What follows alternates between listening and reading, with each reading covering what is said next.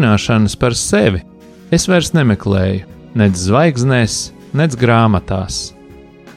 Es tās atrodu, ieklausoties pats sevī.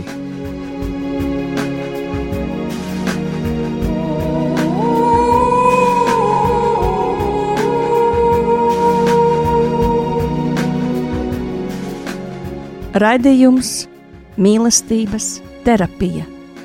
Top mīlestības mājai, sadarbojoties ar profesionālo pastorālās konsultēšanas asociāciju. Sarunas par sevi, dzīvi, psiholoģiju un dvēseles terapiju.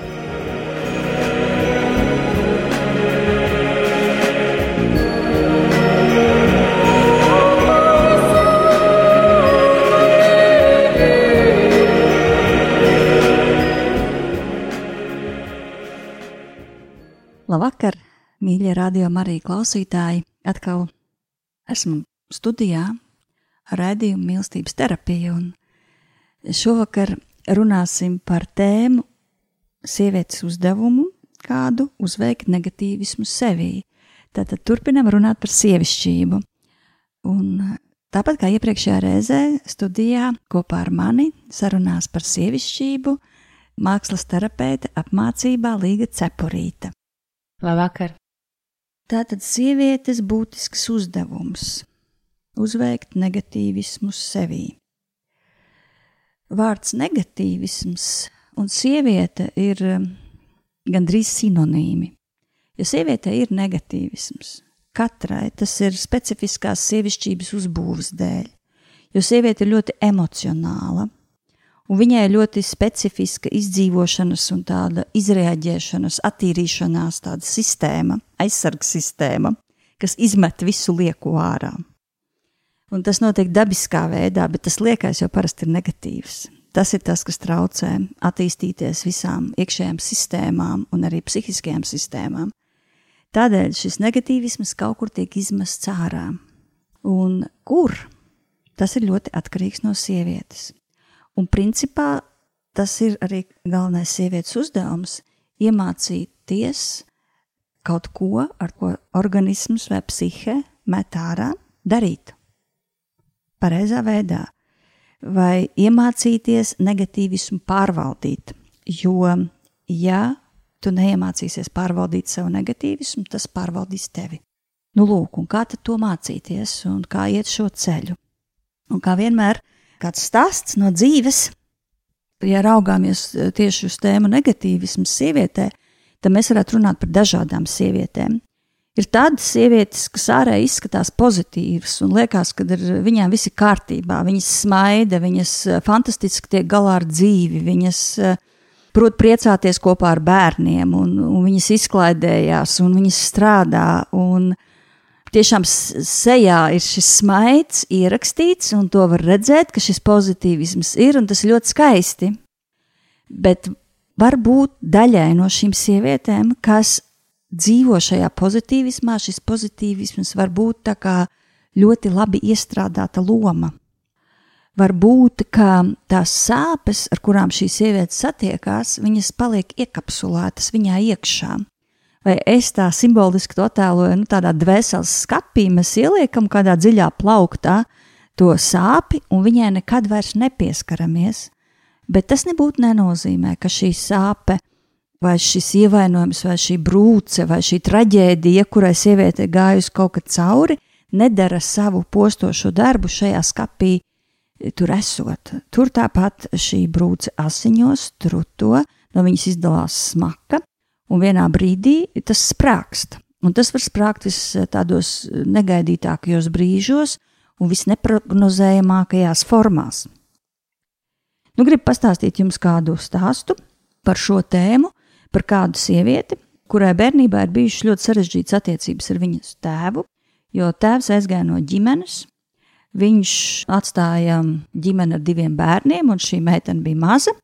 Viņai bija jāsāk iet pirmajā klasē, un tā bija diezgan liela katastrofa priekš viņas. Un vēl vairāk bija tas, ka šis tēvs izmantoja meitu, lai atrieptos savai bijušajai sievai, vai pareizāk sakot, meitas mammai. Nu, dažādi finansiāli ietekmējot, nedodot naudu, neatbildot uz zvaniem, kas īsnībā nebija domāti, ka neatbildēt savai meitai, bet tas bija vairāk domāts neatbildēt mātei. Tā kā meita kļūst par tādu vidutāju, un tā ir ļoti smaga nodevības pieredze, bet uh, šai meitenei vajadzēja dzīvot. Viņai tā pirmajā klasē vajadzēja vienkārši iegūt kaut kādu statusu, un viņa iemācījās šīs sāpes noglabāt iekapsulēt, tajā skapī ielikt. Viņa smaidīja, tiešām tā arī bija. Viņa bija smaidīga, viņa ļoti labi mācījās, viņa neļāva, nu, tādas, teiksim, arī bērniem ļoti izteikti šīs aizsardzības sistēmas dažādas. Šī sāpe netraucēja šai meitenei mācīties. Viņa spēja adaptēties. Bet tad, kad viņa izauga liela meitene, viņa arī ļoti labi mācījās augstskolā, viņa ieguva ļoti labu izglītību. Viņa satika puisi, kas ļoti atgādināja viņas tēti. Jo tā sāpe taču dara savu darbu tajā skapī. Un viņi pievilka šo puisi un gāja ļoti smagu tādu ceļu, jo šis puisis bija tāds, kuram nevarēja uzticēties. Viņam bija dažādas reakcijas, neparedzējamas, tieši tāpat kā viņas tētim. Un viņa vairākus gadus mocījās ar šo cilvēku, līdz nolēma uzsākt terapiju, lai kaut ko savā dzīvē mainītu, jo viņa nojauta intuitīvi, ka tas kaut kas atkārtojās, un viņi gribēja atrisināt.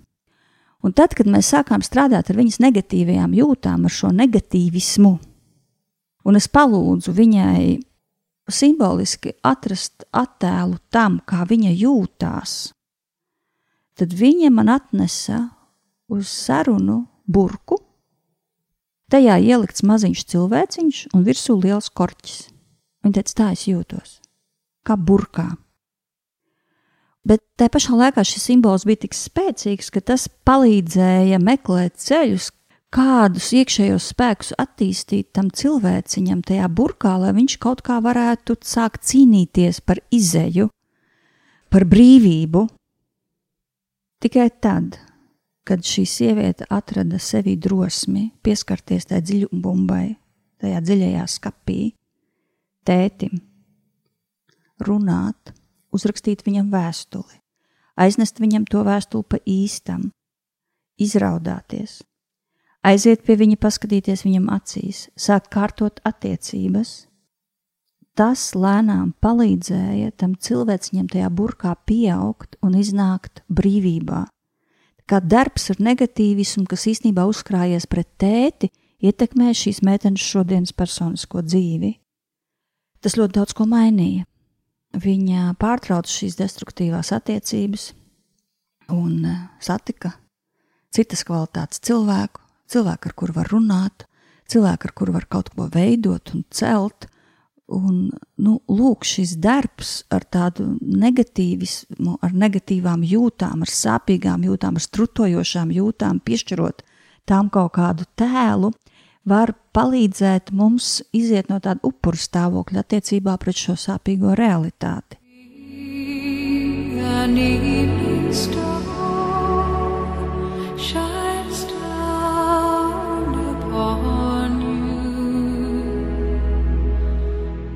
It be when darkness falls,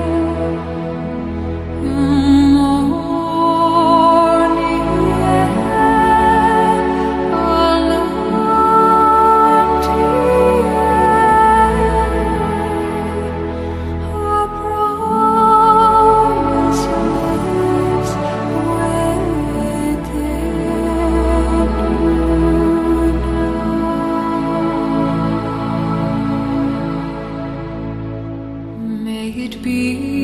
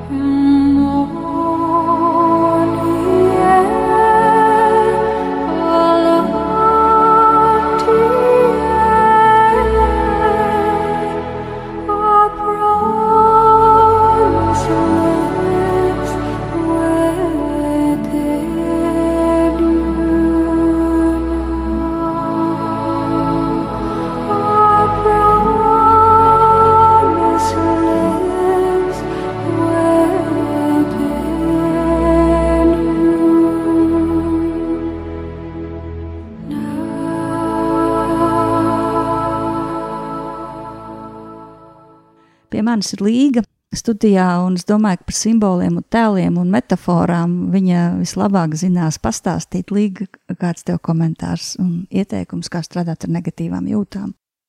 Jā, nu ļoti spēcīgs stāsts. Ļoti spēcīgs stāsts, tas, ko tu tikko pastāstīji. Un šī burka arī tāds ļoti spēcīgs, spēcīgs simbols šai sievietei. Un var dzirdēt, ka ļoti nozīmīgs. Un es vēlētos paturpināt šo pašu. Tātad par simboliem.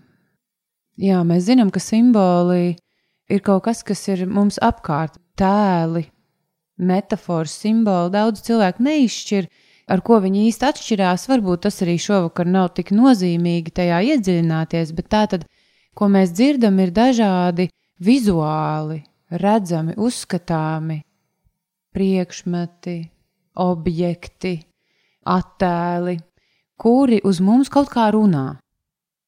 Un runā mēs jūtam tā kā dziļāk pat nekā vārdi, ka mēs pēkšņi varam saprast kaut ko par sevi iekšienē vairāk nekā mēs varējām saprast runājot vārdos.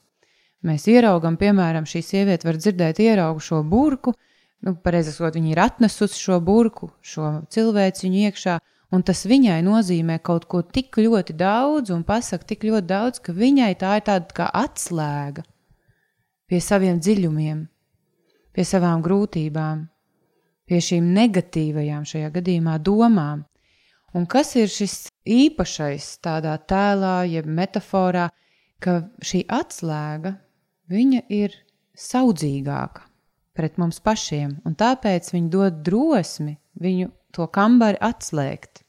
Viņa tā kā iedrošina doties tālāk. Jo uzlūkojot vizuāli šo burku, šī sieviete ļoti iespējams varēja tā kā distancēt no sevis, ieraudzīt to savu sāpi, paņemt viņu fiziski un kaut ko ar viņu sākt darīt, paspēlēties, piemēram, kaut vai sākumā, paņemt nost korķi, iebāzt roku iekšā, pavilkt cilvēku ārā, ielikt atpakaļ un sajust, kā tas ir, vai ka, kur viņa ir, kā viņa ir ar to metaforisko objektu. Un uh, tas ir ļoti interesanti, ka tā mēs varam ik viens strādāt ar savām problēmām, ka mēs varam mēģināt viņus uzzīmēt vai izveidot, vai atrast objektus, vai, piemēram, pielietot pat telefonu ierīci, lai nofotografētu dažādus objektus sev apkārt, kas mums asociējas ar sāpi, ar negatīvismu, kas man atgādina par to, kas man ikdienā ir apkārt, kas man atgādina par to.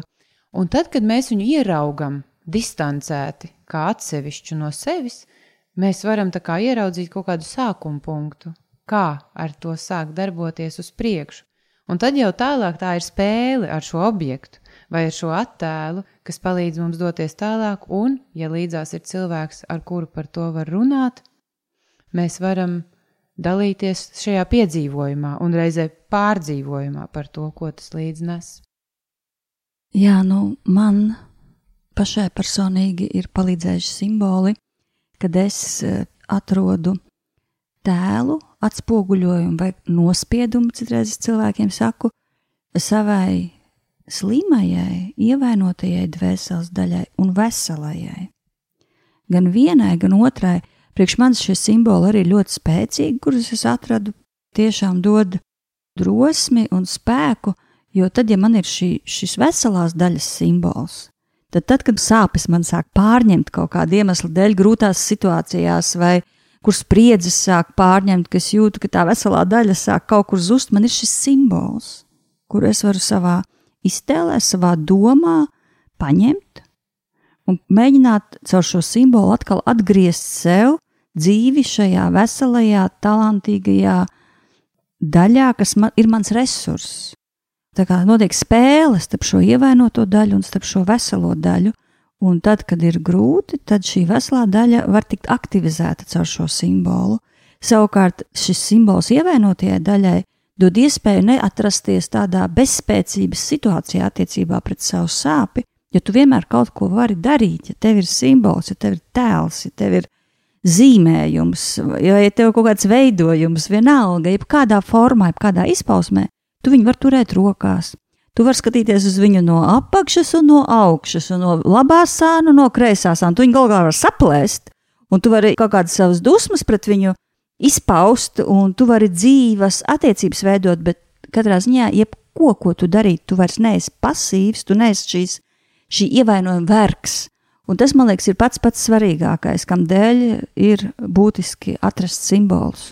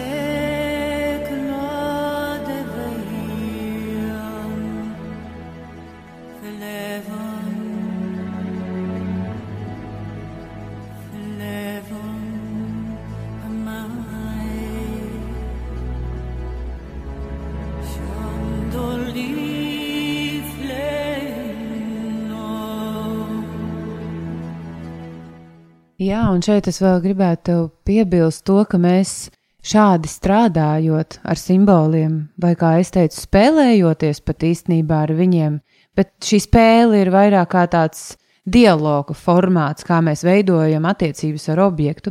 Mēs varam patiesībā uztrenēt sevī spēju nākotnē uz priekšu, kļūt vērīgākiem pret līdzīgām situācijām, kur, teiksim, šis ievainojums vai negatīvisms mūs pavada. Mēs trenējam sevi būt vērīgākiem, atvērtākiem uz savām reakcijām, vēl pirms tas negatīvisms mūs pārņem vai tā kā ievelk savā varā. Un kas ir vēl brīnišķīgāk, ir tas, ka ar laiku, ilgstošāk šādi darbojoties pašiem ar sevi, ar savu negatīvismu, mēs varam sākt kļūt vērīgāki pret citiem, mēs sākam pamanīt negatīvismu otrā cilvēkā, bet varbūt pat soli pirms, un uzlabot savus saskarsmes prasmes ar otru cilvēku, neieejot tajā negatīvajā situācijā, neprovocējot viņu, neveicinot. Jo, kā jau tu teici, katra sieviete, nu, arī katrs vīrietis, katrs bērns nes sevī kaut kādu negatīvo daļu, nes apkārt savas sāpes pa šo pasauli. Un, un uh, saskarsmē tas ir ļoti nozīmīgi, ka mēs pamanām, varbūt, ja mēs gribam būt tādi viedi, gudri, inteliģenti, emocionāli inteliģenti, es domāju, tad uh, mēs negribam veicināt tās sliktās situācijas, bet mēs viņus gribam mācīties risināt. Un šis vērīgums un spēle pašam ar saviem objektiem, simboliem, negatīvajiem tēliem mums palīdz, palīdz iegūt tādu dzīves spēku, arī ar to strādāt un arī būt, jā, būt vērīgiem pret to. Negatīvisms ir kā strūtas. Un tad, kad mums ir kaut kur orgānā kādā strūtas vai uz ādas vai iekšēji, tas struts ir jādabūna ārā. Un ir dažādi veidi, nu, lūk, simboli, tēli, dažādas darbības, eh, izlādējošas, kuras mēs varam veikt, un vingrinājumi. Te vēl viens, man liekas, ļoti svētīgs veids un labs, kā var atbrīvoties no šīm strutām, sāpīgajām, ir vēstules. Tādas īstas dzīves vēstules. Un nevienmēr šīs vēstules, kuras tu raksti, nu, nevienmēr viņas ir paredzētas, lai tu tiešām atdotu tam adresātam. Citreiz tā ir vēstule, kas ir paredzēta, lai tu varētu izdabūt no sevis tās strutas, kas tev pret konkrēto cilvēku ir uzkrājušās. Un tu vienkārši viņus uzraksti un izdomā, ko tev gribas ar to darīt. Citam gribas sadedzināt, citam gribas noglabāt, citam gribas pārrakstīt pēc laika un uzrakstīt sakarīgāk, varbūt ne tik emocionālu vēstuli, bet kas nodod tādu dziļāku vēstu tam otram cilvēkam par attiecībām. Vēstules ir ārkārtīgi tāds dzīves, labs sarunu, tā kā starp posms, starp kādu sarunu, kur varētu notikt nākotnē, bet tad jau tu viņai esi daudz gatavāks. Jā, un šeit piebilstot pie vēstulēm, vēl viens tāds brīnišķīgs instruments ir dienas grāmatas. Daudzi viņus šodien ir aizmirsuši, bet rakstīt dienas grāmatu. Rakstīt, nu, būtībā jau kas ir dienas grāmata? Tā ir, tā ir vēstule sev katru dienu, vai varbūt katru nedēļu, vai katru mēnesi.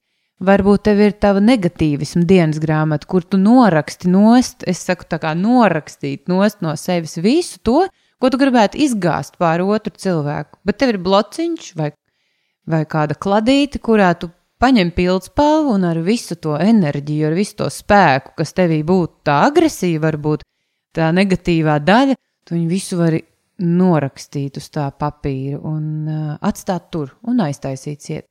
No pati no savas personīgās pieredzes es varu teikt, ka uh, man ir bijusi šāda dienas grāmata, un tā ir palīdzējusi veselīgāk vest attiecības gan ģimenē, gan ar citiem cilvēkiem, kad patiešām es neuzkrauju otram to, ko viņam nevajag nest, bet papīrs panes visu.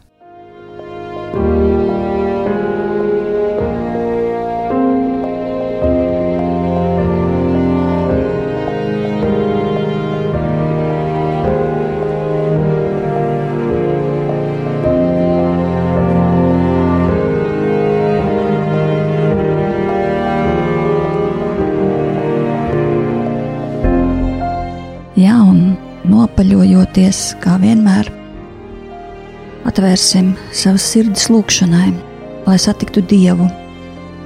Tieši tajā, varbūt tajā punktā, kur tev ir šīs strutas, kur tev ir šis negatīvisms, kur tev ir ievainojums, kur ir sāpes, kur ir aizvainojums, kur ir vēlme teikt sliktus vārdus. Nāc, svētais gars, palīdz man nosaukt šo punktu pašai, pašam pret sevi. Palīdz man iedot vārdu šai vietai, kur man sāp. Palīdz man iepazīt šo teritoriju, kurā ir šīs strutas, nācis svētais gars. Palīdz man kļūt par īpašnieku visai savai dvēselē, uzņemties atbildību par visu, kas tajā notiek. Es arī lūdzu, Jēzu, tavu gaismu, ka tu izgaismo man pašai vai pašam priekš sevis. Man dvēseli, kas redzu, ka es varu runāt, nest gaismā visu to, kas man traucē mīlēt, traucē lietot savus talantus, traucē piepildīt dzīvi ar svētībām, kuras tu, kungs, man esi devis. Es lūdzu katram bailēm, ļauj man piešķirt vārdu un simbolu, katram dusmām, katrai nedrošībai, katrai spriedzei, katrai neapmierinātībai. Ļauj man redzēt šo negatīvo izjūtu tās dziļumā, to brūci, no kuras tā iznāk. Un es lūdzos, kungs, ka tu pagremdē mani, visu šo brūci, manu likteni, manas attiecības savā svētajās asinīs, lai tavs svētās asinis ir tās, kas dziedina, šķīst, atbrīvo ar visu jaunu tās, kas mazgā, tās, kas man piepilda ar jaunām idejām par to, kā tīrīt, šķīstīt sevi, lai es tīrs ietu pie tevis, tēvs. Lai es esmu tavs instruments, lai es esmu gaismas nesējs, lai es esmu pārveides instruments. Un svētīt tēvs katru cilvēku ceļu, kas lūdzās kopā ar mums šajā vakarā. Svētīt tēvs ar savu klātbūtni ar savu svētījumu. Dieva tēva, dēla un svētā gara vārdā - Āmen!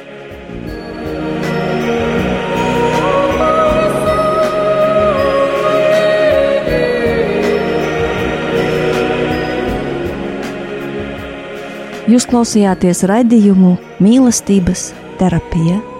Raidījums varat noklausīties mājaslapā mīlestības māja.lv